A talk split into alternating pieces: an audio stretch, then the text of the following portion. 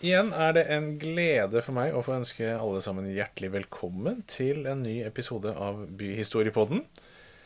Med meg i studio har jeg som vanlig min gode kompanjong Trond Svandal, og jeg heter Lars Thoresen, og vi skal lose deg gjennom nok et kapittel i Fredrikstads historie i dette grunnkurset i byhistorie.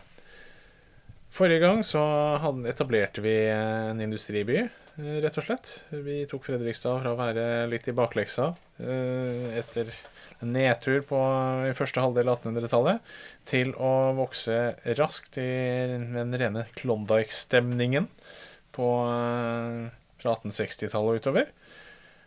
Og så klarte vi da å få industrialisert byen ganske greit. Og befolkningen økte, og vi ender opp med en by med kanskje rundt 12 000 innbyggere ut på 1890-tallet. Og nå har vi snakka mye om industri, Trond, men, men, disse folka som bor i en industriby, må jo ha noe å gjøre òg, må de ikke det? Det må de jo, for det Mennesker ønsker jo å bruke tida si til noe annet enn bare å jobbe. Og vi er jo nå i en periode på slutten av 1800-tallet hvor vi begynner å snakke om at folk fikk fritid. Høres litt rart ut når en, når en stort sett jobba kanskje tolvtimersdager. Men uh, veldig mange av de som uh, fikk seg jobb i industrien i Fredrikstad, var jo folk som tidligere da kom fra bondesamfunnet. altså vært uh, husmenn, husmannsfamilier som brøt opp derfra. I et landbruk i Norge på midt på 1800-tallet som var overbefolka. Flytta til byer, jobba lange dager. Men så hadde man jo fri på søndag. Man hadde jo noen kvelder fri. og Eh, og så hadde du et borgerskap som også fikk fritid, og det måtte jo fylle med et eller annet. Og nå kan vi også begynne å snakke om at det vokser fram et, eh, et kulturliv i Fredrikstad. Det tar jo gjerne litt tid før det kan vokse fram et godt kulturliv. Byen må jo vokse litt før man kan begynne å tenke på at man skal etablere institusjoner, at man trenger både det og det andre. Um, det tidligere kulturlivet, hvis vi starta der, det er jo sentrert rundt gamlebyen. Og da er jo annet eh, vennehåpet. Eh, hva var vennehåpet, Trond? Vennehåpet er en interessant eh, institusjon i byens historie og byens liv. Eh, det var rett og slett en, eh, en herreklubb. Det kalles også for Fredrikstad klubbselskap oppstår i 1790-åra som en engelskinspirert klubb. For man ja, det er byens, byens herrer, embetsmenn, som møtes. Kunne da møte i klubblokalet, lese aviser, spille biljard eller kort. Man arrangerte ball, etter mønster da fra engelske klubber i samtida. Dette er noe vi ser i andre norske byer også, og det fikk vi også i Fredrikstad. Og på slutten av 1700-tallet og tidlig på 1800-tallet i gamlebyen så var vennehåpet sentrum for det sosiale liv for byens uh, borgerskap, for overklassen. For uh, vanlige innbyggere så vet vi jo egentlig ikke så veldig mye, men uh, en del av det sosiale livet foregikk nok selvfølgelig privat, men på skjenkestuer og litt mer enklere etablissementer. og så var det selvfølgelig et religiøst liv som var viktig for folk det var jo også et, eh, et liv som var eh, pålagt folk. Religion var jo ikke bare, bare, frivillighet i alle sammenhenger. Det var jo forventa at man skulle delta, og det ble uglesett om man ikke deltok. Det, I mange sammenhenger, i hvert fall.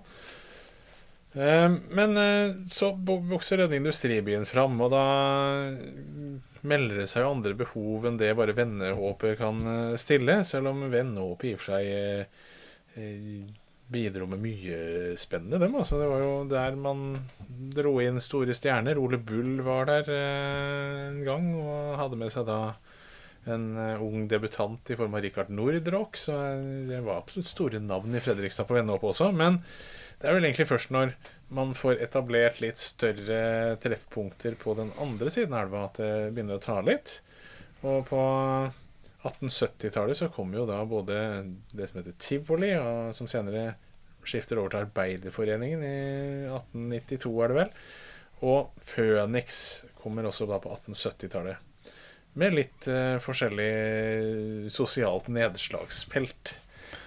Ja, det må vi kunne si. Og um, hvis vi begynner med, med Phoenix, så var jo det Det var jo på en måte den, den nye byens uh, klubbselskap. Uh, det var borgerskapets uh, møtested. Som hadde mye av det samme som Vennehåpet hadde hatt. denne klubben Uh, og man hadde ball og det, alt det sosiale der også. Uh, men interessant med Phoenix er at de hadde også en, uh, en teaterscene. Så man satte opp amatørteater. Det var, det var, jo en kulturform som hadde vært veldig populær lenge i, blant borgerskapet. Arbeiderforeningen, eller tivoli, blir jo mer en folkets kulturscene i byen. Med alt fra folkelig teater, revy. Eh, det er jo der Fredrikstad blir revyby på rundt århundreskiftet. Uh, og det er mye omreisende teatertrupper som er innom, setter opp forestillinger. Vi vet det er satt opp operaer der. Og brukte veldig mye. Mye av, av Fredrikstads kulturliv på 1890-åra og de første tiåra på 1900-tallet dreier seg rundt Arbeiderforeningen, denne hadde som hadde en stor sal, eh, teatersal inne, og en eh, utescene for eh, sommerteater. Mm. Så Arbeiderforeningen ble viktig. Um, og så var det selvfølgelig en del andre mindre, mindre kulturscener òg. Omreisende teater det hadde vært, og omreisende musikanter hadde de vært før òg, men nå fikk man scener de kunne opptre på. Og det, det var viktig for, for en voksende by. Så fikk man jo kanskje en ny type offentlighet også. fordi det, nå er det klart, nå begynner vi å nærme oss en periode i verden hvor faktisk ganske mange i befolkningen kan lese.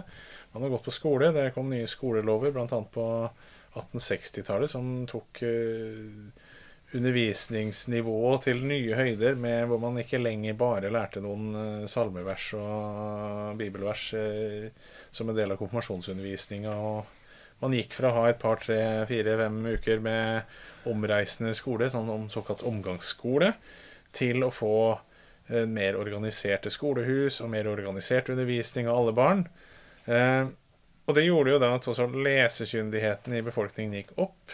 Og man begynte jo å få en type offentlighet som mange kunne engasjere seg i. Fordi nå vokste også fram mye aviser, og man fikk en, et politisk engasjement. Altså disse avisene var jo også inne og representerte forskjellige partier. Altså Man begynte jo å få en oppmerksomhet rundt det som skjedde i samfunnet, og det gjorde jo også at kulturlivet, da, det som skjedde i Arbeiderforeningen, det som skjedde på Føniks, og det som ellers skjedde i byen, det ble jo også omtalt og om, til dels omdiskutert i noen tilfeller, men i hvert fall diskutert, og man fikk oppmerksomhet rundt det. Man hadde et sted å avertere. Man, det nådde ut til ganske mange på den tida her på en måte de ikke hadde gjort tidligere. Og vi, vi starta her da 1890-tallet, var jo det vi antyda som oppstart for denne episoden her. Og det er jo litt symptomatisk da at f.eks. dagens Fredrikstad Blad for alvor starter opp i 1889. Eh, man får flere aviser som starter opp da på slutten av 1800-tallet, og som dels konkurrerer med hverandre, og etter hvert også må slå seg sammen. Og det er en avisflora hvor man i en periode har fire aviser, blant annet. Eh, så det er det skjer ganske mye sånn med oppmerksomhet rundt de tinga som foregår i byen, da, som på en helt annen måte enn tidligere. Ja, og det der er jo, det er jo utløp for også trender som vi ser i, ellers i landet. Uh, men Fredrikstad var jo en by som hadde vokst veldig raskt, og en stor befolkning. Og det er klart, som du sier, uh, fire aviser er jo for oss i dag veldig mye. Eh, men det var, eh, det var, absolutt et uttrykk for en, eh, for en, en offentlighet. og det du er innom med altså skoler, organisasjonsliv som også vokste fram, det, er, det kjennetegner jo egentlig slutten av 1800-tallet. og var viktig for framveksten av egentlig det moderne samfunnet, det moderne Norge. hvis vi tillater oss å ta noen linjer litt tilbake i tid, så, så får du jo eh, I 1830-åra så får du jo formannskapslovene. altså Da fikk man etablert et politisk system, også på lokalnivå, hvor, eh, hvor folk uh, innafor egen kommune eller egen by styrte seg sjøl på mange områder. Og det fordra jo også at du hadde en opplyst allmennhet. Og det, og det, ligger jo også litt bak de nye skolelovene som du får midt på 1800-tallet, 1860, uh, og senere på 1880-tallet. og her i Fredrikstad så ser vi jo et godt eksempel på det. Man bygger jo to nye skoler i 1875. St. Croix og Seiersten. Folkeskoler for arbeiderbefolkningas barn. Eh, og dette var jo selvfølgelig lovregulert, men, men, det er også et tegn på et, uh, på et samfunn som, uh, som, hadde som mål da, å gi opplysning til alle. Det er klart det var jo noe som tvang seg fram ganske kjapt med tanke på den enorme veksten man hadde i Fredrikstad på den tida. Så måtte man jo brått ha, ha noen nye skoler. Fordi mange andre hadde jo bygd skolene sine sånn i bygdene rundt omkring på 1860-tallet. Men uh, når man da plutselig får en befolkningsøkning på mange tusen, så inkluderer jo det også noen barn etter hvert av dette her, da. Ja da, det var jo høyst, øh, høyst, høyst, nødvendig. Uh, men det er jo igjen tegn på en, en, by i stor endring. Men organisasjonslivet det får jo andre uttrykk også, for det er jo uh, Du får jo et vell av skal vi si, kulturelle organisasjoner eller foreninger også. Ja, det er, det er, ganske mye forskjellig. Vi, vi, hvis vi ser det, det er turnforeninger, det er skytterlag, det er sangkor, korps. altså Vi får en skiklubb etter hvert eh, på slutten av 1800-tallet her. I tillegg til disse religiøse foreningene av forskjellige slag. Altså, det, det, er ganske mye man etter hvert kan engasjere seg i. Eh, etter hvert kommer det også mer idrett, i form av fotballen begynner å røre på seg. Eh, man blir ikke helt uviktig i Fredrikstads historie? Nei, det blir jo ikke det. Den kom jo først da i 1903 med Fredrikstad fotballklubb. Det hadde jo vært noen spede forsøk før det også. Men det er klart det blir jo en viktig, eh, viktig forening, den fotballklubben. Men det er også litt eh, en trend vi kan legge merke til, at noen ting går ganske ned på grasrotnivå fra starten av. Mens en del av disse idrettsfenomenene starter ofte litt som sånn eh, borgerskapsfenomen. At det er ofte eliten som har tid til å trene og dra og spille kamper. Og eh, Fredrikstad fotballklubb er ikke noe inntak der. Det var nok eh, ikke de folka lavest i samfunnet som spilte de første kampene for FFK heller. Så det er ganske typisk at det Eh, ofte så kan noen av disse idrettsforeningene faktisk være litt, litt eliteprega i starten, men så går det ganske kjapt en folkelighet i det. da Det, ikke, tar ikke lang tid før eh, det er folket som overtar fotballsporten, f.eks. Eh. Nei, det blir jo etter hvert en, en, en veldig folkelig sport med, som har appell i alle samfunnslag. Ehm, men, ehm, men, det er klart, eh, det er Du har idrett, eh, du har et rikt eh, sang- og musikkliv som, som vokser fram. Og Uh, både sangforeninger og musikkorps blir jo, blir jo stort i Fredrikstad. Og, og, det ser vi jo ofte at starter opp knytta til industribedriftene. De store, enten det er sagbruka eller eller andre industribedrifter, så, så, ser vi flere eksempler på at uh, man starter uh, musikkorps da, for arbeiderne. Uh, og det er jo både en sånn Du kan jo se det både som en, en måte å sosialisere arbeiderne og knytte dem til bedrifta, men, men det blir jo en, en, viktig, en viktig del av kulturlivet. og det er klart For mange arbeidere også så blir det kanskje første skritt inn i et mer organisert liv, altså et organisasjonsliv, som, eh, som vi nok også ser sånn ett skritt videre, så tar man det inn i arbeiderbevegelsen, i fagforeninger, og, eh, og etter hvert også da inn i det eh, skrittet inn i det politiske liv. For Det er også en periode hvor det er mye, mye debatt om hvem som skal ha rettigheter i et samfunn. For Det er klart her er det, det har vært et samfunn hvor eh, bl.a. stemmerett har basert seg på eiendom. Altså det har vært et prinsipp veldig lenge at du skal ha en viss eiendom for å få eh, lov å stemme. Så skal det jo sies at mange industriarbeidere i Fredrikstad hadde en inntekt som var høy nok til at man faktisk fikk stemmerett. Men uh, igjen, organisasjonslivet tvang seg litt fram. For klart mange av disse brukseierne var ganske tydelige på at hvis det ble for mange som stemte for feil parti, som brukseieren sjøl ikke likte, så, så, kunne det bli trøbbel. Og det er vel noen episoder hvor, eh, hvor arbeidere som har holdt feil avis og sånn i perioder, nærmest har fått sparken fordi Jaså, ja, du tilhører den politiske retningen. Du, vi skal ikke ha noen venstrevelgere her, eller eh, etter hvert da Arbeiderpartivelgere. Eh, så det er jo det er en sånn politisk oppvåkning som er jo, Du nevnte formannskapslovene, hvor eh, man fikk lokalt selvstyre, og mange bønder særlig da begynte å lære seg det politiske systemet i perioden etter 1837. Men så kommer da arbeidere inn og blir organisert og, og begynner å ta tak i problemer og utfordringer på arbeidsplassene sine, og ser jo ofte da at disse utfordringene her gjelder for mange, og det er ikke noe vi kan løse i dialog med hver enkelt verkseier, det vil ofte være, eller brukseier. Det vil ofte være en utfordring at vi må løfte det opp på et høyere plan, og da må vi få det inn som en del av rikspolitikken ofte for å få felles systemer for mye av den industrien som kan være tøff og det er noen utfordringer for en del arbeidere i mange sammenhenger med arbeidsforhold, og det er mye arbeidsulykker, og det er mye, mye å ta tak i eh, i arbeidslivet på den tida her.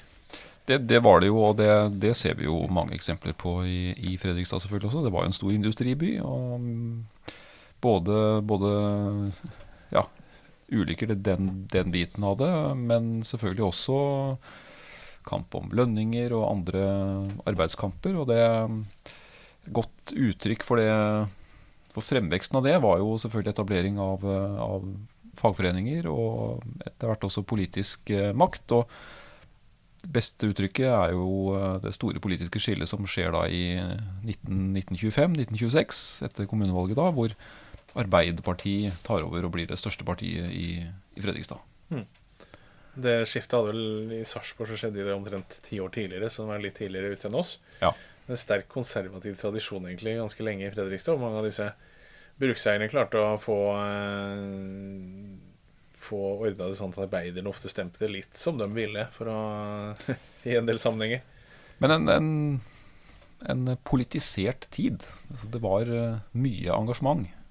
Ja, absolutt. Jeg nevnte jo dette med aviser. Altså, vi er jo vant til at uh, aviser er ganske vi kan irritere oss over seriøsitetsnivå og kjendisnytt og hvor tabloid en del aviser skriver i dag. Men, men, på den tida her så er det jo blodig alvor, den kampen mellom aviser. Det er ganske det er rimelig harde debatter i disse avisene, som da har forskjellig politisk ståsted.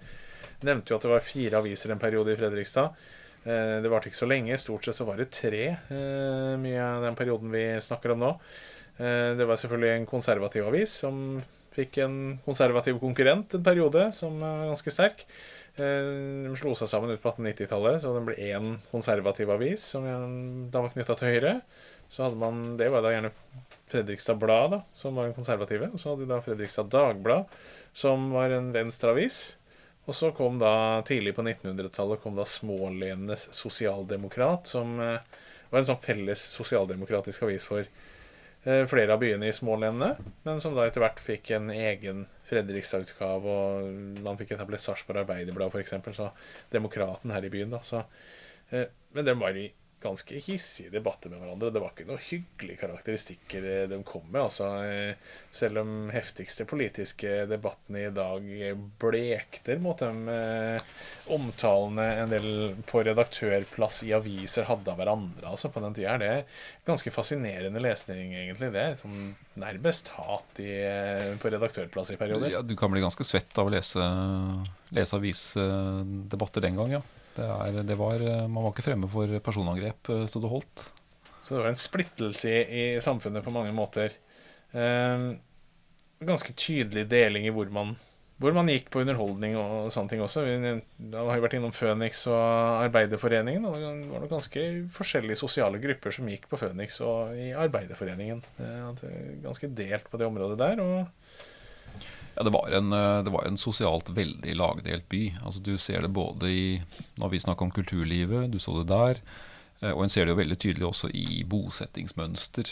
Eh, borgerskapet, og særlig da denne plankeadelen, bodde ett sted, arbeiderne bodde på et helt annet sted. Og det er jo en Det er jo en noe vi kan fremdeles se rester av i byen i dag. Absolutt. Og på toppen av det hele så har du da en tredje sånn litt spesiell elite eller gruppe da, i gamlebyen. Altså, du har jo en by som er delt på flere måter. De fleste byer hadde denne todelinga.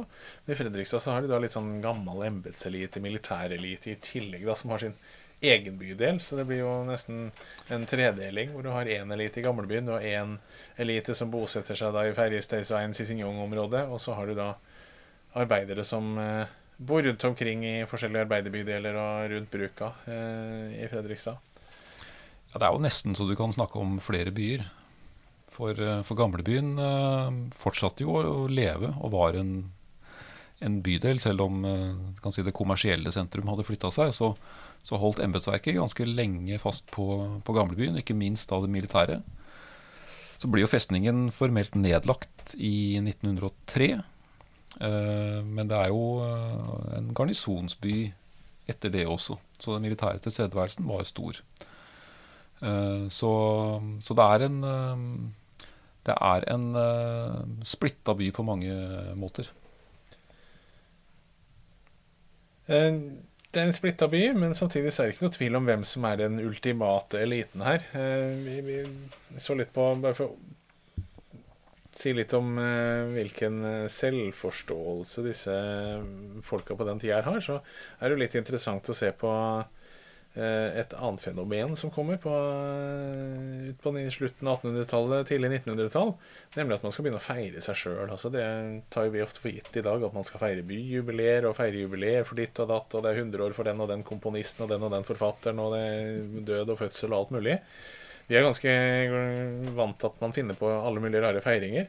Men dette her er jo da litt i støpeskjea på starten av, av 1900-tallet. Og i Fredrikstad så kommer den første virkelig store markeringa av, eh, av, byen i 1917, når man da skal feire et ørlite jubileum.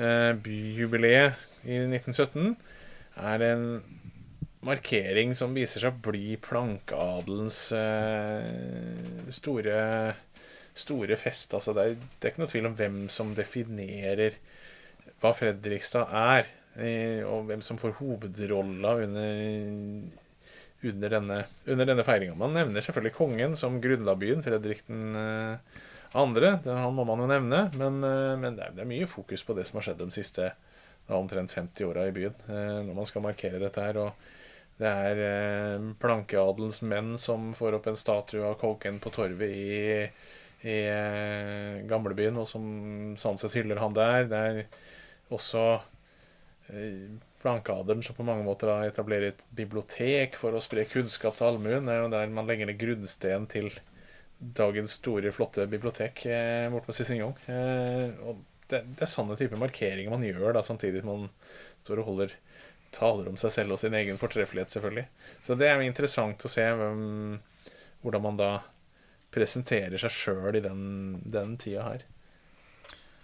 Ja, det er jo uh, veldig interessant. Uh, litt som en uh, motsetning til senere jubileer vi har vært igjennom for ikke så mange år siden, hvor det er jo et helt annet folkelig engasjement, og man trekker med hele, hele byens befolkning.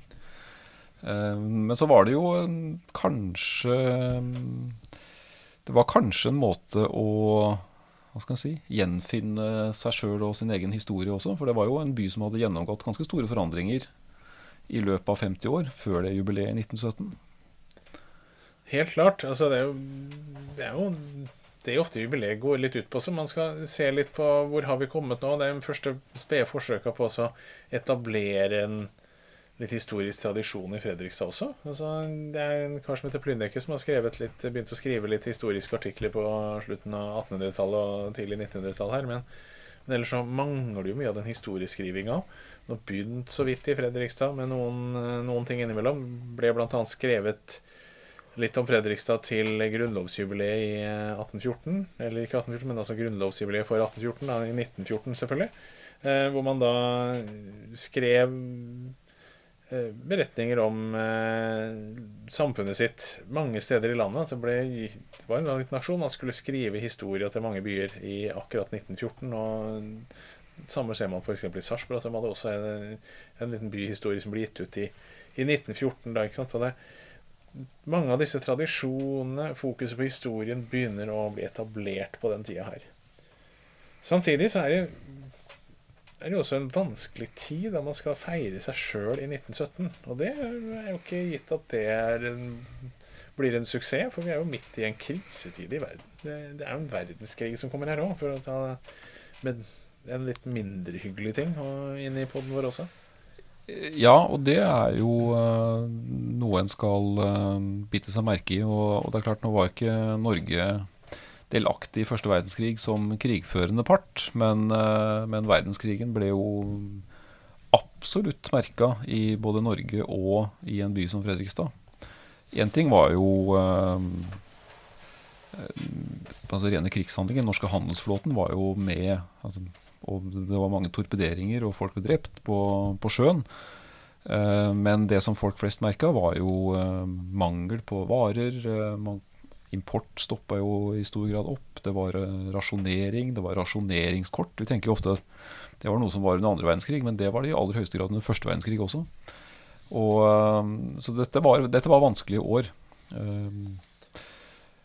I tillegg til, til det så hadde jo næringslivet og industrien i denne industribyen Fredrikstad hadde jo også gjennomgått en stor forandring egentlig før første verdenskrig. Men eh, skal vi si fra sånn rundt 1905 til 1913-1914 eh, så hadde mye av den gamle industrien, særlig da sagbruka, som hadde vært førende gjennom siste halvdel av 1800-tallet, eh, de var blitt utkonkurrert. De aller fleste var nedlagt.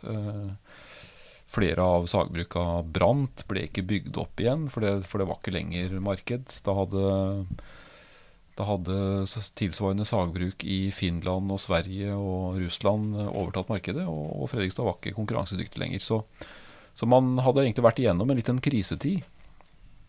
Eh, før krigen også kommer da krigen med alt det den eh, brakte med seg av eh, mangel og dyrtid og vel å merke litt jobbetid, hvor du kunne tjene gode penger på skipsaksjer og spekulere der. Men, men, for folk flest så var dette her en, eh, en, vanskelig tid. Og så skal du da midt oppi det feire et byjubileum.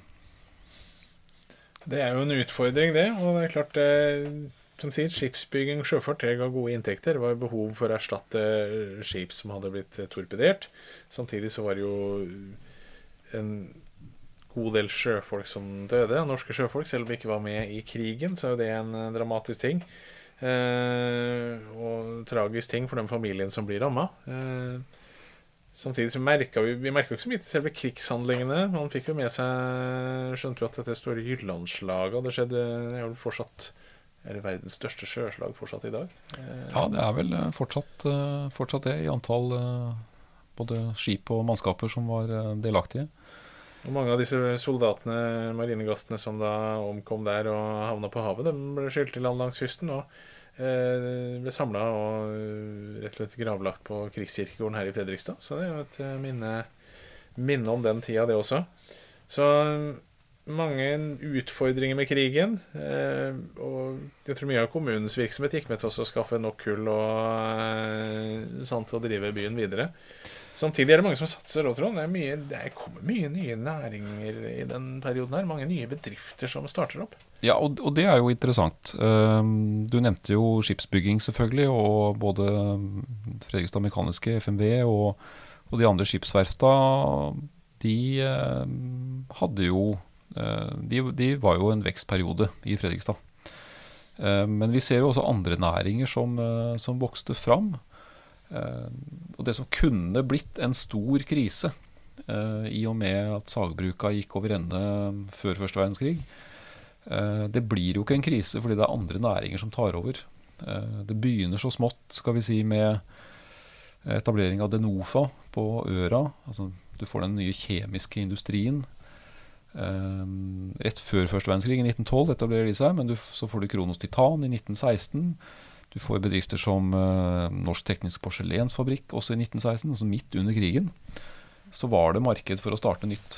Ja. Uh, Seiersborg Tekstil startet jammen i 1917, så det, det, det, ja. det, skjer en del. Som jo blir en stor uh, arbeidsplass for kvinner. Det er verdt å legge merke til. Kvinner på veien i arbeidslivet, i industrien også, i ja. større grad enn før? Det så vi kanskje mer i Europa, med, hvor kvinner ble ansatt i industrien fordi, de, fordi, menn var i krigen. Sånn var det jo ikke i Norge, men du får store industriarbeidsplasser også for kvinner, eh, også her i Fredrikstad. Så, så, det som kunne blitt massearbeidsløshet eh, og enda større krise, det blir jo kanskje dekka opp med den, den nye industrien som vokser opp. Ja, det er jo skofabrikker og hermetikk, og Ungerfabrikker kommer tidlig på 20-tallet. Borgar ut på tidlig 30-tall, og senere også stabburet og flere andre virksomheter som har betydelige, betydelige arbeidsplasser da, som blir ja, og dette her. Var, og dette var jo betydelige Dette var jo store bedrifter. Um, og mange dekka jo selvfølgelig et, et eksportmarked. Denofa Titan er jo De, de uh, produserer jo for, for, eksport. Men veldig mye av industrien uh, produserer jo for, for Fredrikstad, som jo var en, blitt en stor by. Så det var jo et stort marked i Fredrikstad. Eh, og er klart, Vi er jo en tid hvor ikke det var stor import av varer fra, fra Kina eller andre steder. Så, så man var, en var avhengig av å produsere ting lokalt. Så du får jo et, en stor eh, framvekst av eh, småindustri, og i tillegg stor utstrakt handelsvirksomhet. Masse butikker, eh, om det var konfeksjon og skobutikker og matvarebutikker. Så det var jo et, eh, ja, det var en, en, by med et stort marked mm. i byen. Det er jo en betydelig handelsby sånn sett også. Ja. Um, men så er det jo det er jo helt sikkert mange som har fått med seg dette her, at utover 20-tallet og 30-tallet så, så, er det jo ikke alt som går på skinner i verden. Eh, definitivt ikke. Det er jo noen kriser her som eh, gjerne får en del av skylda for at det vokser opp nye ideologier etc. Eh, og det kommer eh, Etter krigen så kommer det er jo en kort periode hvor det går gjerne veldig bra. Det er veldig typisk etter en krig at da blir det plutselig god tilgang på varer igjen, og da blir det en voldsom oppgang. Og så kommer gjerne en smell deretter, og det så vi også i Fredrikstad og i Norge generelt, at det kommer gjerne en sånn etterkrigskrise et par år etter krigen. I Norge på sånn nasjonalt nivå hadde vi også en parikrise sånn ut fra, fra midten av midten av 20-tallet, og så smeller det til litt senere med den store 30-tallskrisa som rammer hele landet og hele verdensøkonomien. Så det er jo utfordrende tider som kommer videre. Men eh, jeg vet ikke hva vi skal si hvor hardt det ramma disse krisene Fredrikstad sånn totalt sett. Vi ser jo at eh, Fredrikstad som en, eh, som en, stor by i et eh, land som var eh, inn vevd inn i verdensøkonomien, for å si det på den måten, så ramma jo krisene her også. og det, Vi ser det jo med krisa etter første verdenskrig, tidlig på 20-tallet. Den rammer jo her òg. Eh, og ikke minst eh, krisa på 30-tallet. Etter Du har jo det store børskrakket på, på New York-børsen i 1929, som jo eh, blir starten på en langvarig finanskrise og økonomisk krise gjennom, i hele verden, den, den, rammer også Fredrikstad med stor, stor arbeidsledighet uh, og økonomiske utfordringer.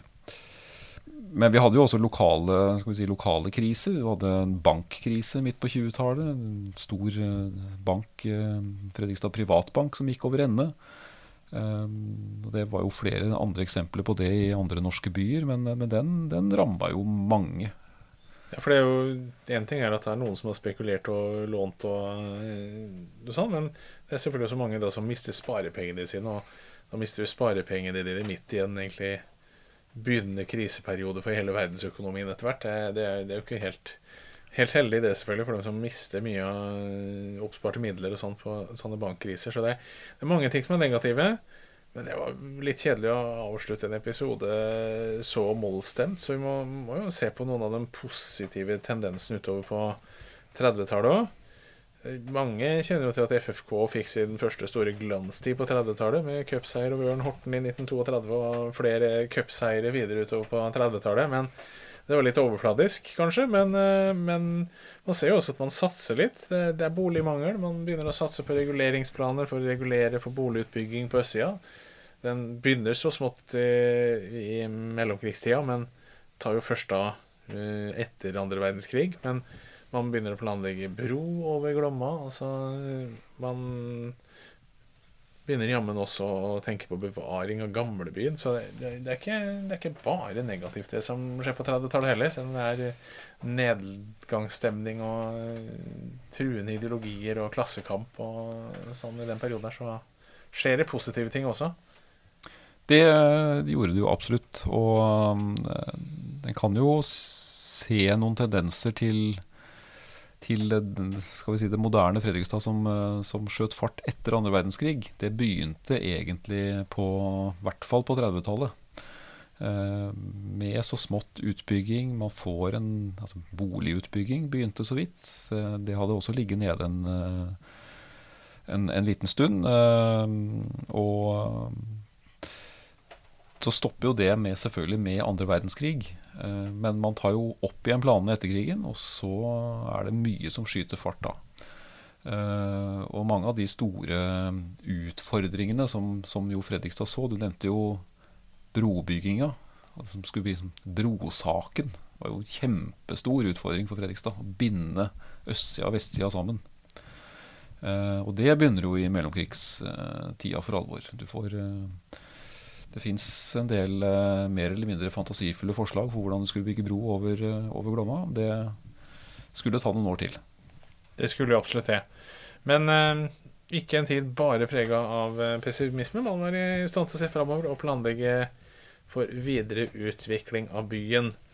Men før det så skal vi selvfølgelig se litt på andre verdenskrig i Fredrikstad, før vi ser på nok en ganske stor stor og sterk periode i Fredrikstads eh, historie, nemlig denne voldsomme økonomiske og industrielle framgangen på 50- og 60-tallet, som er en glansperiode for norsk industri. Og i en industriby som Fredrikstad så blir det også en positiv periode. Så vi har vel jammen kommet oss gjennom mye av den første delen av 1900-tallet, eh, men eh, vi får starte litt uh, målstemt med andre verdenskrig neste, i neste episode, Trond. Og så får vi ta det opp til nye høyder deretter. Det gjør vi. Så følg med videre i neste episode. Takk for oss.